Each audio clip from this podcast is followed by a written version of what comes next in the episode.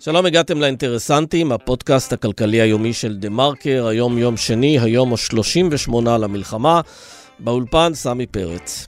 בדרך כלל אני אומר שזה היום ה-38 למלחמת עזה, אך כפי שהדברים נראים, בגבול הצפון, אנחנו מתקרבים גם שם להסלמה אה, מסוכנת. זה מחייב את קבינט המלחמה לבדוק אה, אולי אפילו על בסיס יומי את האסטרטגיה ואת המטרות ואת ההתאמה שלהם למציאות. ובכלל, לבדוק גם מדי פעם עד כמה אנחנו קרובים להשגת היעדים המקוריים, השמדת היכולות של חמאס והשבת החטופים. האם אפשר בכלל להחזיק באסטרטגיה כזו לאורך זמן, כשחיזבאללה מעלה את רף התגובות שלו ומשבש את החיים בגבול הצפון? אלוף במילואים עמוס גלעד יהיה איתנו בעניין הזה. עשרות מיזמים עוסקים בתיעוד זוועות הטבח של השביעי באוקטובר, את המלחמה שפרצה אחריו, את הימים אה, הקשים שאנחנו חווים מאז. למרות שבעצם אנחנו די רחוקים מסיום המלחמה, ורבים עדיין נמצאים עמוק בתוך הטראומה. התיעוד נובע מהבנה שמדובר באירוע מכונן בהיסטוריה של העם היהודי, משהו שעוד ילווה אותנו כמה דורות ואנחנו נעסוק בו הרבה מאוד. אנחנו לא יודעים להגיד איך וכמה, אבל זה בדיוק העניין ובדיוק המטרה של התיעוד. יהיה מאיפה לחקור ומאיפה לבדוק. אה, עופר אדרת דיבר עם כמה מהמתעדים והוא יספר על המיזמים האלה. סקרים שפורסמו אה, לאחרונה מלמדים שרוב הציבור הישראלי רוצה שראש הממשלה בנימין נתניהו ילך הביתה מיד או בתום המלחמה, אבל מי שמכיר את נתניהו ואת מצבו המשפטי לא צופה שהוא יעשה זאת מיוזמתו. מסתבר שיש מודל מתמטי שמראה שהוא לא רק שהוא לא יעשה את זה מיוזמתו, אלא גם יגביר את מאמצי השליטה שלו. איתן אבריאל, שותפי לפודקאסט הזה, יספר על המודל הזה. אנחנו מתחילים.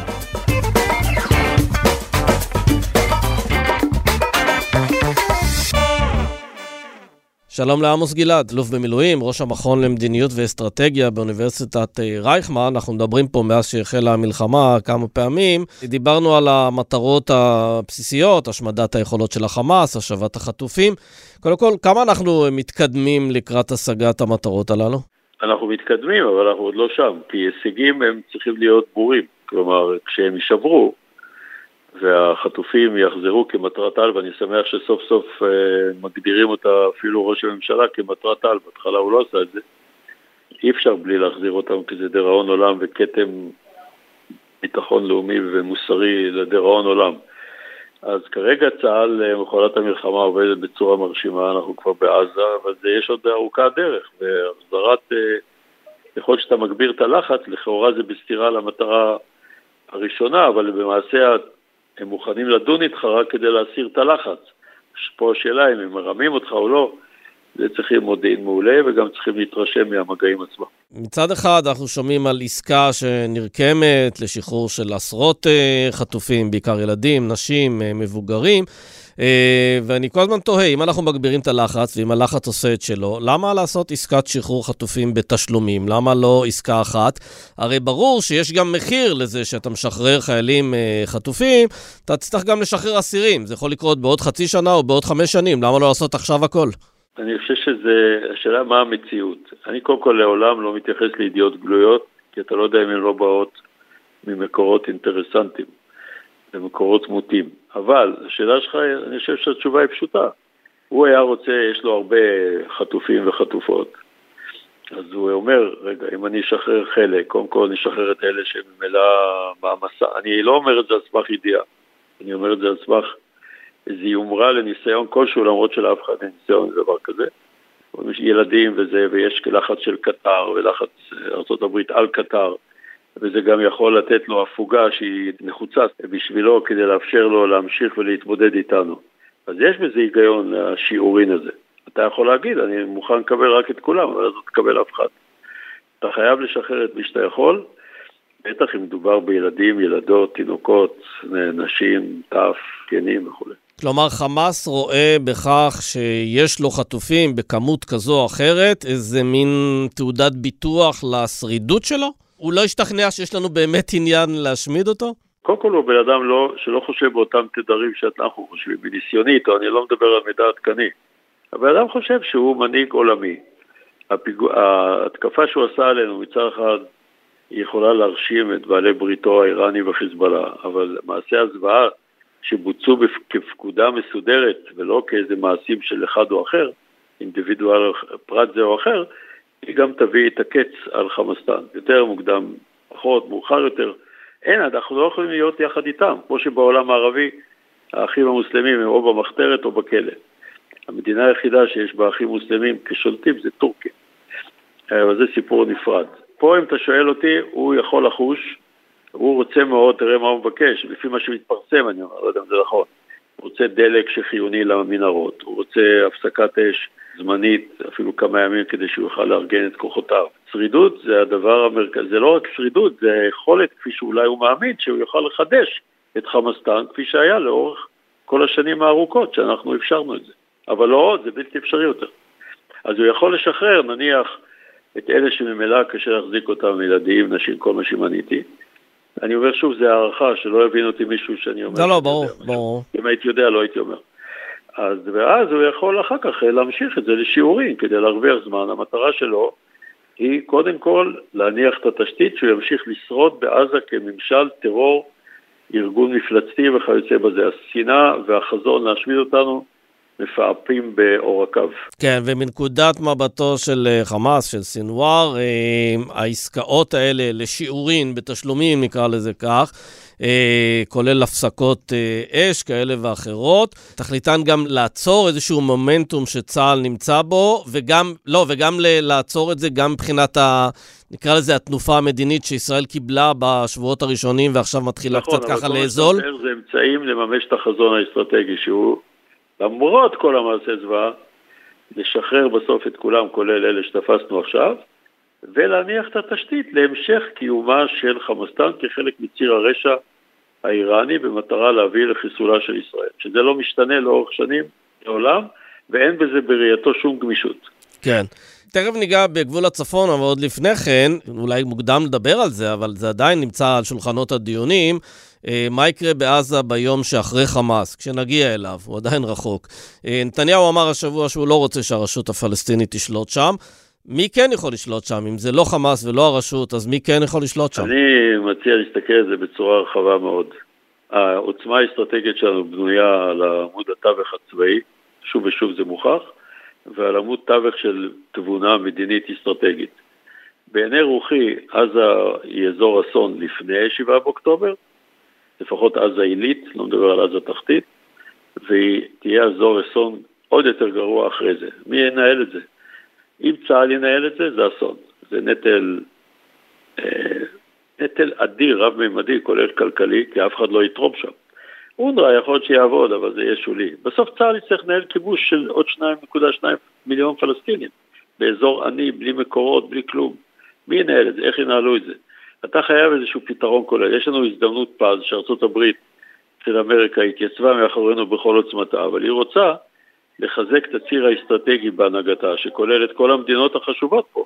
מצרים, ירדן, סעודיה, הן גם חשובות מאוד לנו, השלום לנו חיוני מאוד. היום אף אחד לא ייכנס לתהליך לדעתי אם לא יהיו פלסטינים לגיטימיים. אתה יכול להמציא כל מיני פלסטינים, אבל אנחנו תמיד נכשלנו בהמצאת מנהיגים ידידותיים, זה בשיר ג'ומאייל, דודין מאגודות נכון. הכפרים, לא משנה מי זה. אז זה הרשות, הרשות לא תחזור, אלא אם כן החמאס לא יהיה שם, יהיה מאמצי שיקום ויהיה אופק מדיני. אופק מדיני בעיני ראש הממשלה אה, זה כנראה לא מתקבל, כי זה קשור לחזון שתי מדינות. אבל אה, אז הוא יישאר לבד, ואנחנו נישאר עם צה"ל בעזה באופן זמני, ככה יגידו שזה קבוע. אין קבוע מהזמני. עכשיו, מי ישקם את החורבות שם? זה רק מדינות המפרץ בשבילם. 10-20 מיליארד דולר זה לא כסף גדול, אלא, אבל הם לא יעשו את זה אם לא יהיה תהליך מדיני שלפחות ירכך את הפלסטינים ויאפשר לבנות את ציר השלום מול איראן, שתמשיך להשתמש בקלף הפלסטיני, יחד עם כל גרורותיה, שבכל מדינה שבה נכנסו הרסו אותה. חיזבאלסטן על חשבון לבנון, בסוריה, דרום סוריה, הגולן, על חשבון סוריה, בעיראק על חשבון עיראק לגיטימית ותימן על חשבון תימן וכולי. אז אנחנו צריכים לגלות תבונה. מה שנתניהו אמר, ראש הממשלה, אני חושב שזה חמור מאוד במובן שאין לו חלופה אחרת חוץ מכיבוש צבאי. כן, עמוס, אבל את הניתוח הזה שאתה עושה פה, אה, להערכתך עושים בקבינט המלחמה בימים אלה, או ש... או שלא עוסקים לא, בזה? לא, זה להערכתי, לא לידיעתי. שוב, אה, למה להערכתי לא עושים? כי אני מאמין לראש הממשלה שהוא לא מוכן לזה, ואם הוא לא מוכן לזה, הוא אחראי על סדר היום גם של הקבינט המצומצם. וגם המחנה הממלכתי שהצטרפו לקבינט הממשלה, הם הצטרפו כדי לנהל את המערכה, לא את היום שאחרי. היום כן. שאחרי ייפול כבר בתקופה שבה המחלוקות יחזרו, יש לך, אני מזכיר, על מי נשען ראש הממשלה בקואליציה. יש ביהודה ושומרון שתי אסטרטגיות שעובדות. אחד זה הסיכול בראשות, בהובלת צה"ל, שב"כ, שזה נעשה מאוד, בצורה מאוד מוצלחת, אבל זה תחום צבאי. התחום המדיני הרחב, סמוטריץ' ואלה פועלים, ולכן גם פורעים ואלימים וכאלה שגם עוסקים במעשים יותר גרועים יכולים לפעול שהאסטרטגיה שלהם זה לספח את יהודה ושומרון, ויש כאלה כמו סטרוק שאומרים גם את עזה. כן. כל זה ימיט עלינו אסון אסטרטגי. אז יכול להיות שנתניהו במסגרת אה, כל העיסוק שלו ביום שאחרי ובשרידות האישית שלו, אולי מבין שהרשות הפלסטינית זה הפתרון גם לעזה, אבל בגלל השותפים הנוכחיים שלו... לא, אה, גם מ... באופן אישי הוא לא רוצה, כי אם הוא אומר עליהם שהם לא גינו ושהם ארגון טרור במשתמע, למרות שהוא העביר גם החלטה כן לשחרר להם כסף. תראה, הם לא השתייכו לעולם לתנועה הציונית, ואבו מאזן, כל עוד נשמה באפו, אה, תמיד יגיד כל מיני דברים מטורפים, טיפשיים על השואה, על היהודים. הוא לא מהתנועה הציונית, אבל במזרח התיכון אתה בוחר הרבה פעמים בין גרוע לגרוע יותר. והם הפסידו, הם זה אבו מאזן, ככה הוא יירשם בהיסטוריה, את עזה שהפכה לחמאסטן, שרצתה להגיע ליהודה ושומרון וגם לרצוח אותו ב-2014. כן. סאלח חרורי, הבכיר שנמצא בלבנון עכשיו, הוא רצה לרצוח אותו, ואנחנו גילינו את זה. ובסוף אה, המציאות פה היא אכזרית, וארה"ב מעוניינת בזה, העולם מעוניין בזה, אנחנו חייבים הרבה לעולם, והעתיד שלנו גם תלוי בהמשך השלום. כן. אני, מי שהייתי מעורב כהערה אישית ביחסים הביטחוניים עם מצרים, ירדן ואחרים, לא מסוגל לעלות על דעתי שאנחנו לא נמשיך את השלום הזה, הוא חיוני לנו ביותר. כן. עם לבדד ישכון זה אמירה מליצית יפה, אין לה שום קשר למציאות. כן. אוקיי, אז אמרת שבמזרח התיכון הרבה פעמים בוחרים בין גרוע לגרוע יותר, וזה מעביר אותנו לגבול הצפון, שם אה, האפשרות הגרועה היא באמת מה שקורה כרגע, שאנחנו חוטפים שם הרבה מאוד טילי נ"ט, ויש נפגעים. אה, האפשרות הגרועה יותר היא מלחמה כוללת אה, מול חיזבאללה. אתה חשבת, או אמרת בזמנו, שלא נראה לך שזה מה שחיזבאללה רוצה, אבל יש פה איזה גם איזו אסקלציה כזו שהולכת ונבנית, ו... וזה מעורר את השאלה, זה שהוא לא רוצה זה יפה, זה שאנחנו לא רוצים זה יפה, אבל השאלה אם אה, בסופו של דבר המציאות אה, תייצר פה משהו אחר, שבכל זאת אנחנו נידרדר לשם. זו שאלה נכונה, אני אמרתי לך תשובה ביום ששאלת אותי. אה, יש במדיניות, כפי שאני מבין אותה של נסראללה, ליצור עימות לאורך הגבול כדי להביע הזדהות. הוא אמר בנאום הראשון, הם לא שיתפו אותי, אז אני לא חייב להם עימות מלא. במילים פשוטות הוא נתן להבין שהוא לא רוצה עימות מלא, שיכול גם להביא לריסוק האישות שהוא מנהיג אותה בלבנון, כי העוצמות של צה"ל אה, נבנה אליהם שנים ארוכות, זה, הוא יצא בשן ועין אם בכלל הוא יצא מזה. עכשיו, מה, מה קורה? מה שאתה אומר, עדיין ההערכה הזאת היא נכונה, אז אתה אומר, רגע, אבל הם עולים כל פעם מדרגה ובסוף הם יחצו איזושהי סף של מיסקלקולציה. לכן הצבא ערוך במלוא עוצמתו. לכן יש מנהיגים מאוד חשובים שלנו, כפי שפורסם, אני לא יודע אם זה נכון, שאמרו בואו נטפל קודם בחיזבאללה, דבר ראשון, ואחר כך, או במקביל, טפל בחמאס. אני שייך לאלה שחושבים, אני לא במנהיגות, אבל אני חושב שמעשי הזוועות שחמאס הורה עליהם וביצעו אותם, מחייבים את סילוקו, וזה לא כזה פשוט, לכן בואו נמשיך איתו. אבל כן צריך להיות ערוך בדיוק למה שאמרת, ואני חושב שהצבא ערוך פעמיים. רגע, עוד לפני כן, הסיפור עם חמאס יכול להימשך אה, הרבה מאוד זמן, זה לאו, זה לא אומר שאנחנו כן, תוך שבועיים שלושה. העוצמה שלהם. כן. העוצמה שלהם תיחלש. אני לא אומר עד חיסול החמאס, אני לא משתמש בדרך כלל בסיסמאות, אבל החמאס ייחלש, תלוי איזה מרכזי כובד שלו אתה תתפוס ותרסק, או תחליש. אבל יכול להיות שבהחלט הצבא, לא יכול להיות. הצבא עושה שני דברים שלא היו בעבר. אחד, מדיניות הצבא בצפון היא להחליש את הנוכחות של חיזבאללה בדרום. זה לפחות יאפשר בעתיד שנדרוש את היישום המלא של החלטת מועצת הביטחון 1701, קרי שאומרת אין נוכחות חיזבאללה מדרום לליטני, כשהחיזבאללה מפר אותה מי שגר בבית הצפוני של מטולה, הוא יכול לראות שהשכן שלו זה רדואן שרוצה לשחוט אותו. זאת מציאות שלא תהיה, כי אף אחד לא יחזור הביתה. נכון. אז זה לגבי הדרום. ואתה רואה את ישראל מצליחה לאכוף את ההסכם הזה עכשיו?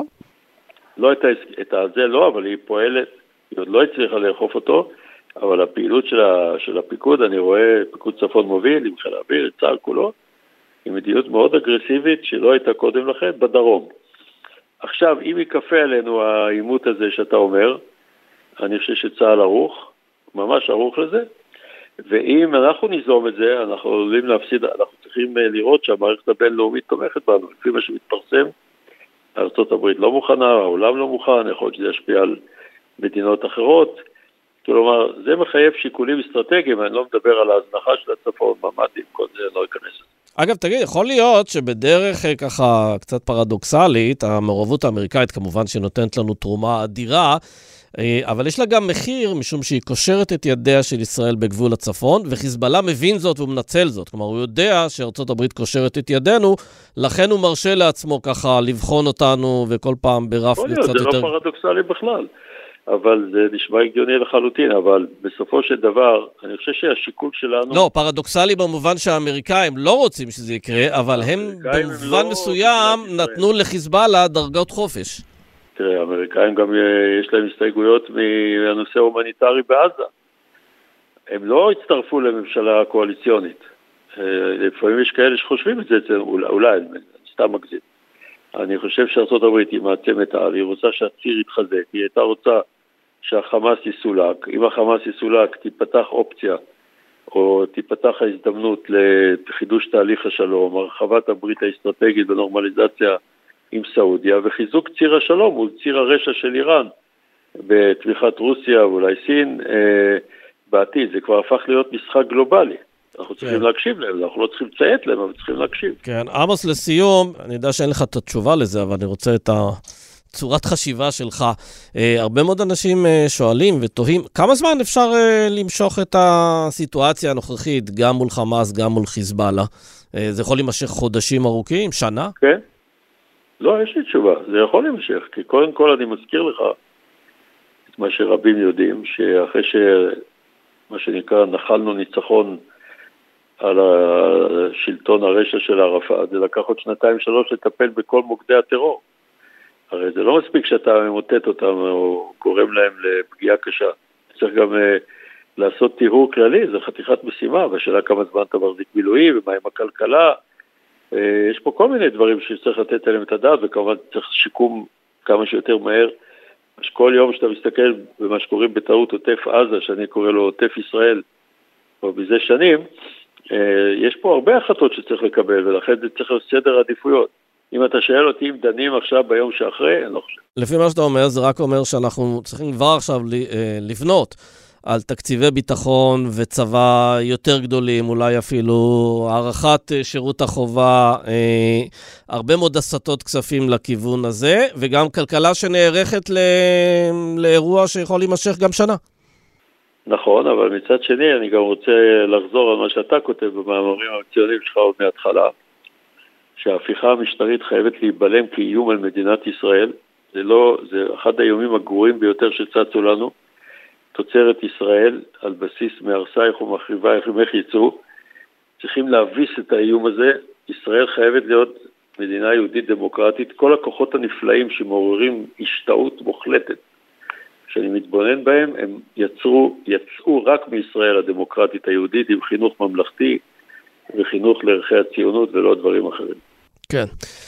בהחלט שותף לדעתך אה, בעניין הזה, אני מקווה שגם יריב לוין מתישהו יבין את זה, ואם לא הוא, אז אה, מי שעובד איתו, ואתה יודע מה, ואם לא מי שעובד איתו, אז לפחות גנץ ושות' שנכנסו לממשלה כדי לא, להיות... לא, הם אה, בטוח מבינים את זה. כדי להיות בלם לדברים רעים, אז גם זה דבר רע שצריך לבלום. עמוס גלעד, תודה רבה לך. שלום וברכה.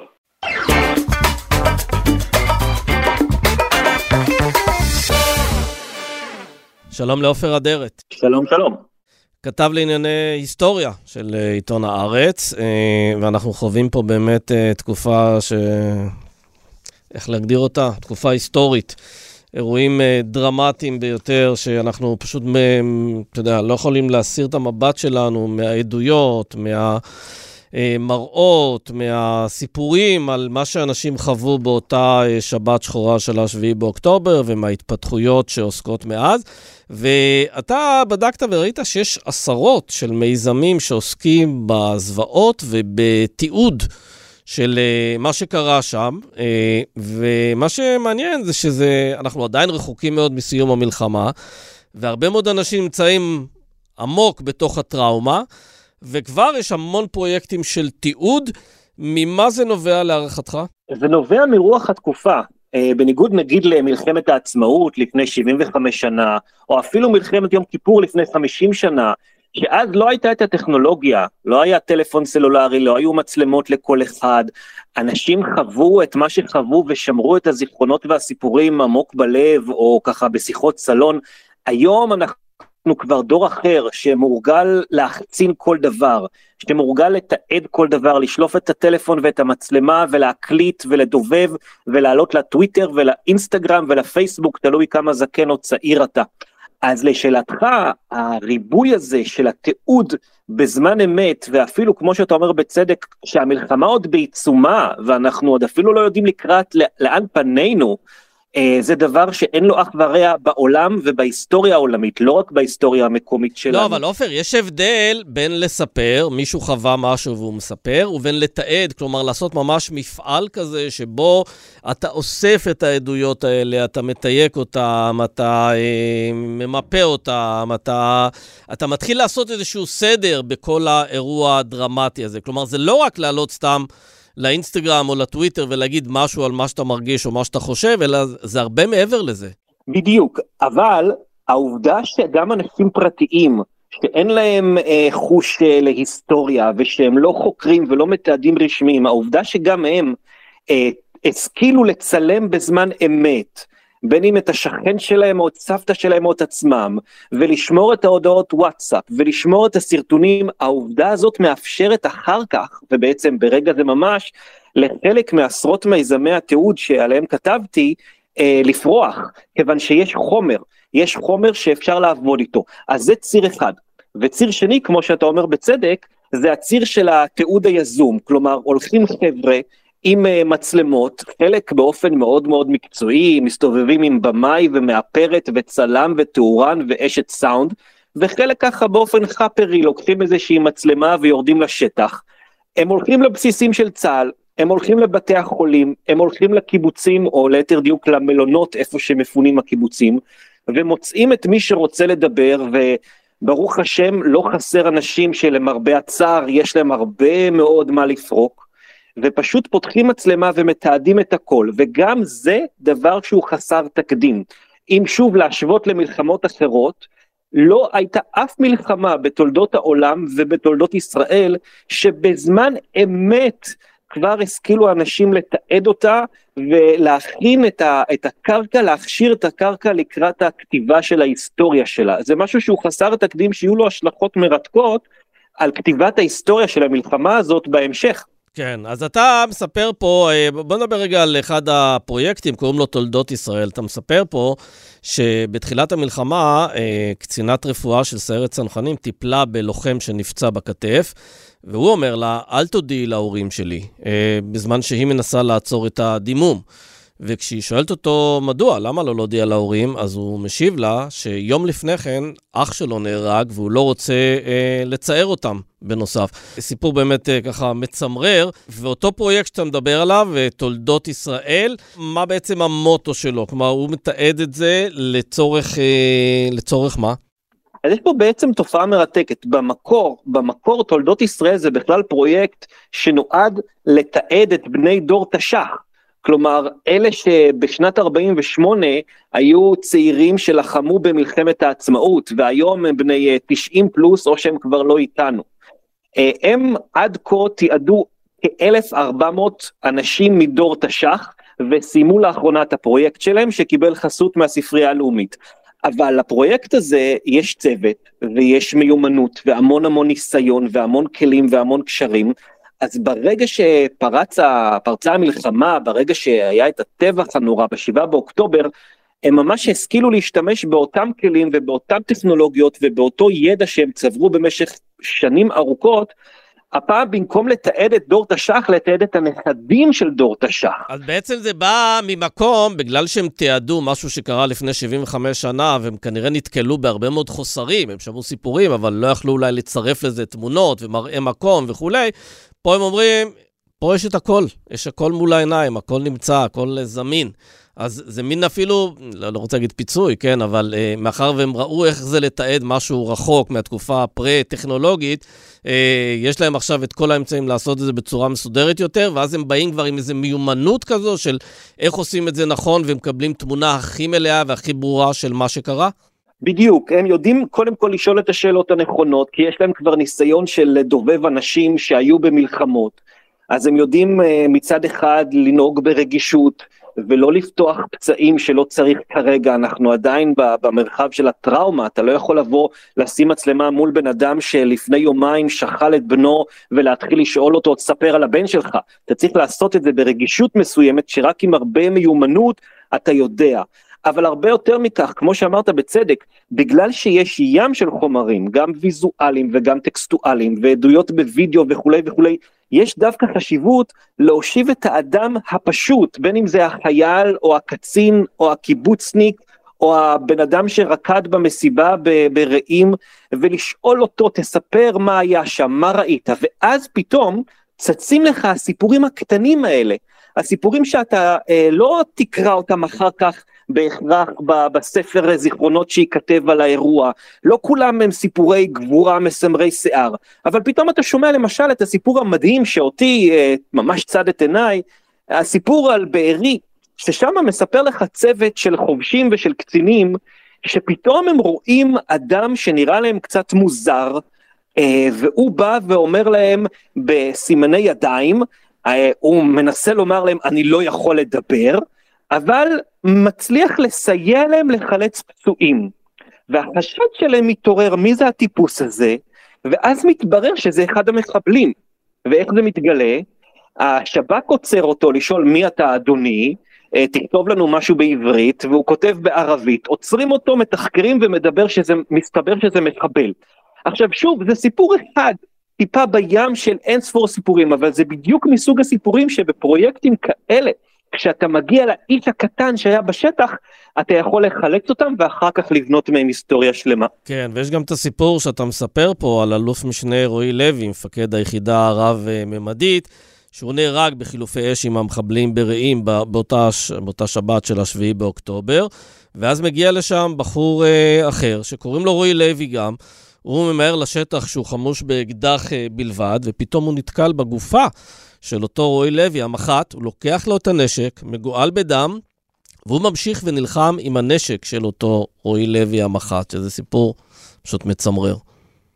בהחלט, בהחלט, ושוב, יש אין ספור סיפורים כאלה, ותחשוב כמה שעות של הקלטות, זה רק פרויקט אחד, תולדות ישראל, שציינת, כאמור, כמו שאמרת בפתח הדברים בצדק, יש עוד עשרות מיזמים כאלה, אה, מתעדים גם חיילים, וגם שוטרים, וגם אנשי זק"א, וגם קיבוצניקים, וגם אין ספור אנשים שהיו שם וראו שם וחוו, והמצבור והמכלול של כל העדויות האלה בסופו של דבר יגיע לספרייה הלאומית. אה, צחוק הגורל, הספרייה הלאומית הייתה עכשיו אמורה להיות בעיצומן של החגיגות השמחות על המעבר שלהם למשכן החדש והיוקרתי שלהם בירושלים ליד הכנסת, הם חוגגים 130 שנה ופתאום הם לקחו עליהם את התפקיד הזה של אה, בעצם לרכז את כל עשרות המיזמים האלה ולתת להם את הכלים אה, כדי תחת קורת גג אחת בהמשך להפוך את זה למאגר מידע אחד עצום שיהיה בעצם ההתחלה של איך אנחנו כותבים וקוראים את ההיסטוריה של המלחמה הזאת, שעדיין אה, רחוקה מסיום לצערנו. אז זהו, זה העניין, עופר, אתה בדרך כלל מתעסק בדברים שקרו לפני שנים, לפעמים אפילו הרבה מאוד שנים, אה, ופה אתה פתאום ניגש לאירוע שקרה בחודש האחרון ועדיין מתרחש, כלומר, אה, אי אפשר עדיין לקרוא לו היסטוריה, אפשר לקרוא לו אקטואליה, אבל אנחנו יודעים שהוא ייחרט אה, בהיסטוריה. עכשיו, אתה כמי שמתעסק בדברים שקשורים בהיסטוריה, אתה כבר יודע לשרטט לעצמך איך ה, אה, האירוע הזה, שהוא אירוע מכונן, בזה אין שום ספק, איך הוא ייראה בעוד עשר שנים, שלושים שנה? התשובה החד משמעית היא לא. אנחנו אף פעם, אף פעם, אף פעם לא יכולים לדעת בזמן אותו אירוע, וגם לא מיד אחריו, איך הוא ייראה לאחר מכן. אנחנו לא יודעים את זה מכל מיני סיבות, א', כי הוא עוד לא הסתיים, לך תדע לאיזה עוד כיוונים חלילה אנחנו עלולים להידרדר או להיגרר, בין אם זה בפוליטיקה הפנימית שלנו ובין אם זה ב, אה, אה, בכל מה שקורה במזרח התיכון המדמם והמשוגע שלנו, ויכול להיות שהאירוע הגדול של אתמול יסתבר כאיזשהו אירוע קטן בתוך אה, אה, מערכה מזרח תיכונית או גלובלית אדירה.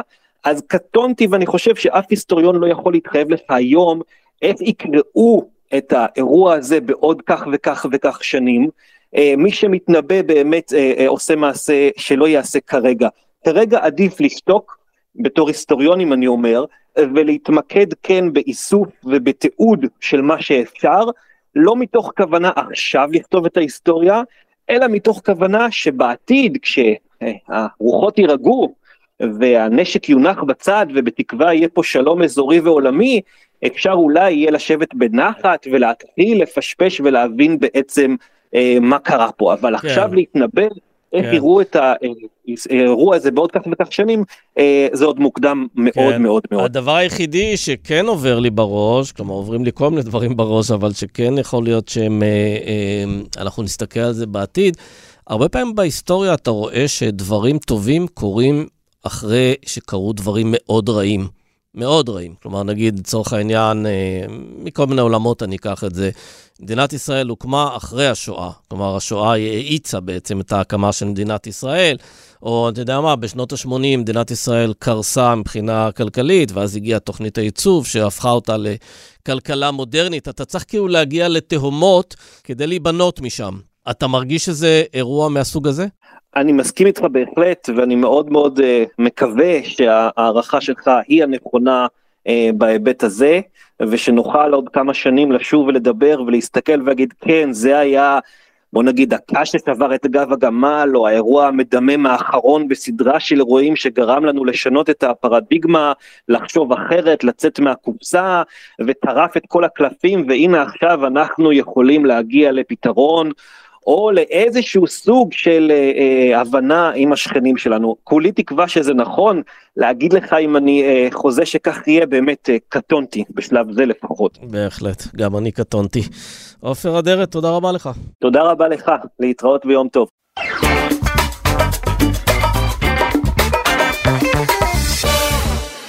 שלום לאיתן אבריאל.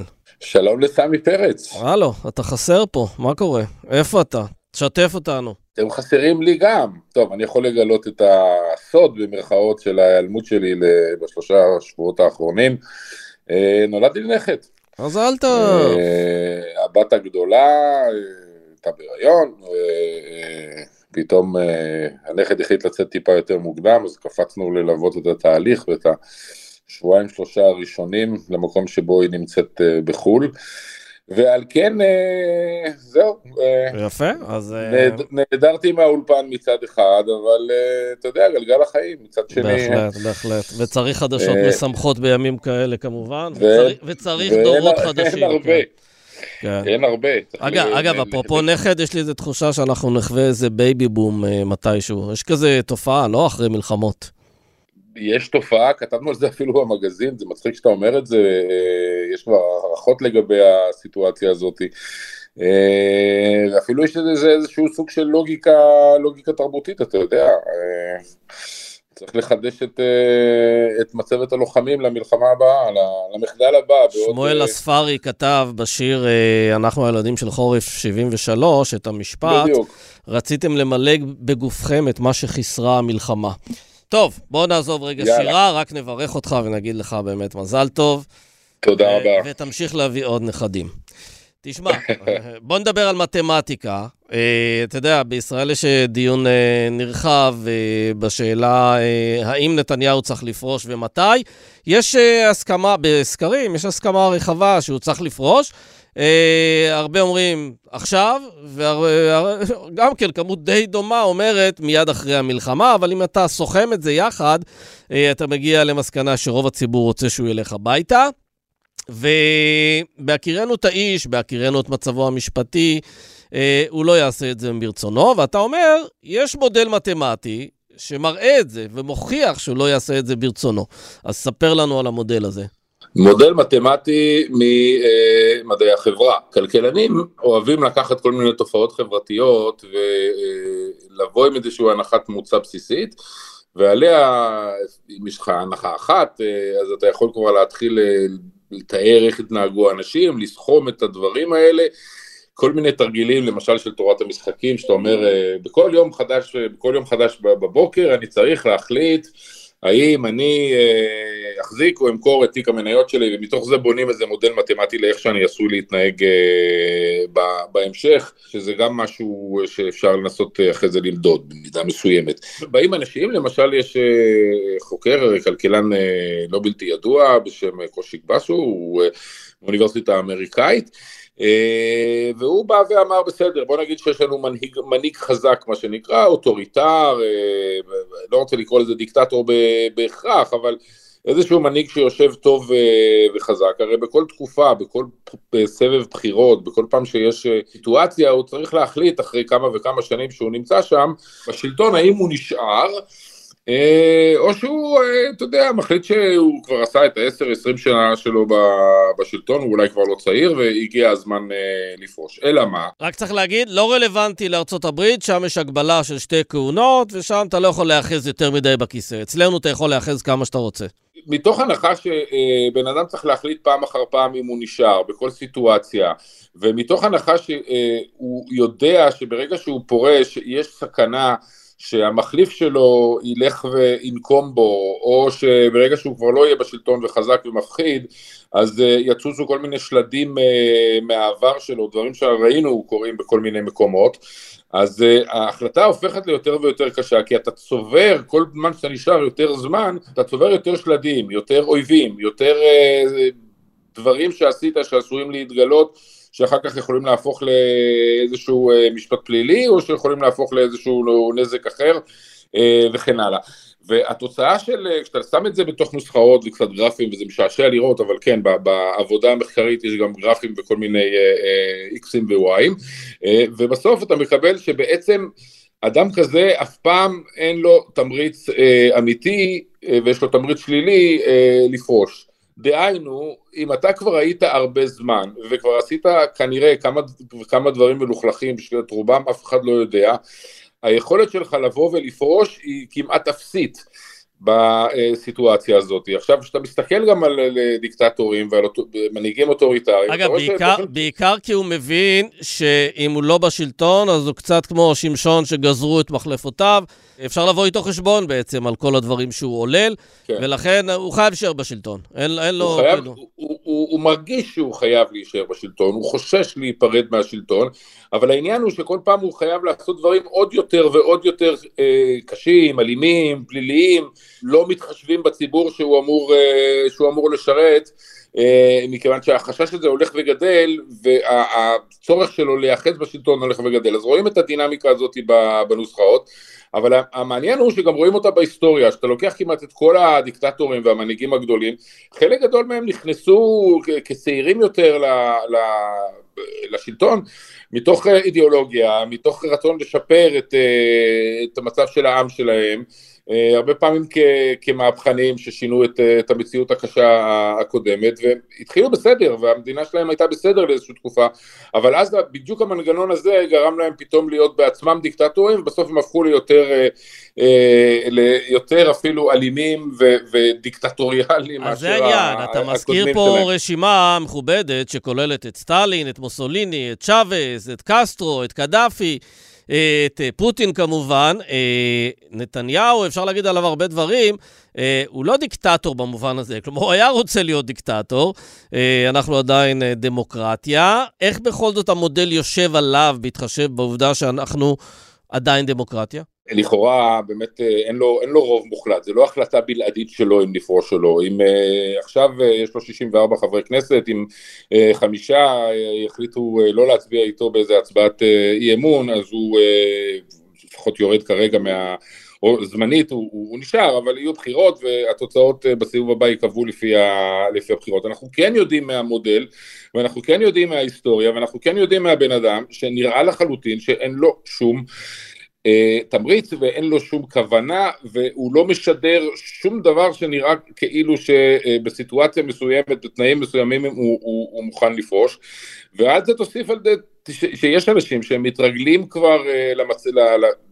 למעמד שלהם אז הם מתמכרים בצורה מוחלטת לכוח ומתמכרים בצורה מוחלטת לא, לאידיאולוגיה שלהם אה, והם לא רוצים לפרוש, זאת אומרת, אתה שואל את עצמך היום, עם כל הלחץ שיש על נתניהו, מישראל, מבפנים, מביקורת של אה, פרשנים ומנהיגים בחוץ לארץ, למה הוא לא בנקודת זמן הכי קרובה, אני לא יודע מה, בהפסקת האש הקרובה לצורך העניין, בא ואומר, אה, לסגור את העניין הזה עם הפרקליטות, אני מניח שהפרקליטות תלך איתו אה, ותפתור אותו מהתיקים שלו בתמורה לפרישה מהחיים הפוליטיים, ואז הוא יוכל לשבת, הוא לא מסכן, הוא לא עני, אה, וקצת, אה, אני לא רוצה להגיד לגדל את הנכדים, אבל לצאת קצת מה, מהמטבח הרותח שבו הוא נמצא כל כך הרבה שנים. אתה רואה דבר כזה? מישהו בישראל רואה איזשהו סימן שהבן אדם מוכן לעשות דבר כזה, אני חושב שרואים בדיוק ההפך, רואים אה, אה, ניסיון להיאחז בצורה, אתה יודע, קשה ואובססיבית בשלטון, והדבר הכי, הכי כואב לכולנו, שזה עולה לנו בהרבה מאוד במדינה, זאת אומרת, הניסיון שלו להמשיך להחזיק את הקואליציה שלו ואת אה, שר האוצר שלו ו- ולא לפטר אנשים זה עלה לנו באסון הגדול בתולדות המדינה. זו האמת. בוודאי. זו האמת. בוודאי. כן, זה רק, אגב, זה רק אומר שמכל הדיון הזה שלנו, ואם זה רק נסיים, אה, אני חושב שהמסקנה הכי אה, נדרשת זה שאנחנו כן צריכים לאמץ את הרעיון האמריקאי של הגבלה של שתי קדנציות. ואז אה, אנחנו לא נקבל אה, את השידור החוזר של מה שאנחנו חווים פה בשנים האחרונות, לרבות, לרבות כל מה שאתה אומר, שבעצם כדי להחזיק בשלטון אתה צריך להגדיל את ההימור ולהגדיל את הסיכונים, וגם הפיכה משטרית, וגם אותן עסקאות מפוקפקות שהוא ניסה לעשות עם כל מיני בעלי הון ובעלי כלי תקשורת. כלומר, מעצם העובדה שיהיו שתי כהונות, אתה צריך להיות הרבה יותר אפקטיבי בכהונות שלך, ולהתעסק בעשייה ולא באיך אני נבחר שוב בפעם השלישית, החמישית והשביעית. במשחק התיאורטי שלו עם הנוסחאות, אותו חוקר מנסה לבוא עם אה, המלצת מדיניות, והוא אומר, תשמע, זה לא סתם איזה משהו קטן שדיקטטור נוצר ו- וזהו, האנשים האלה יש להם נטייה אחרי זה ללכת למלחמות ו- ולהכניס את כל העולם לחורבן.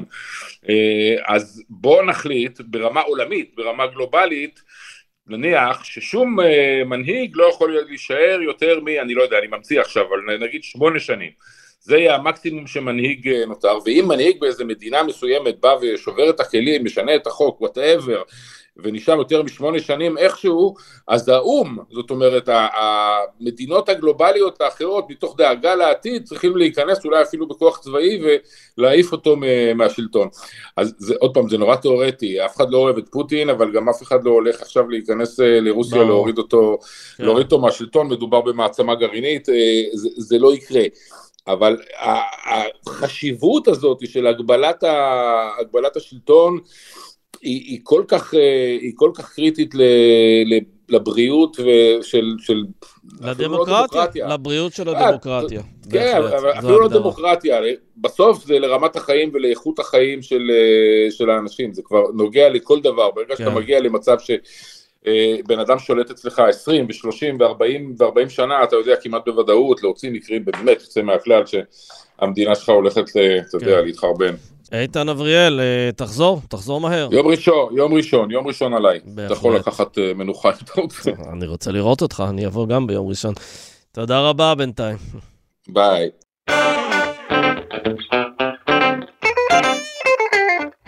זהו, עד כאן האינטרסנטים להיום. נגיד תודה לדן ברומר ומאיה בניסן שעורכים אותנו. אנחנו נהיה פה כרגיל גם מחר. תודה ולהתראות.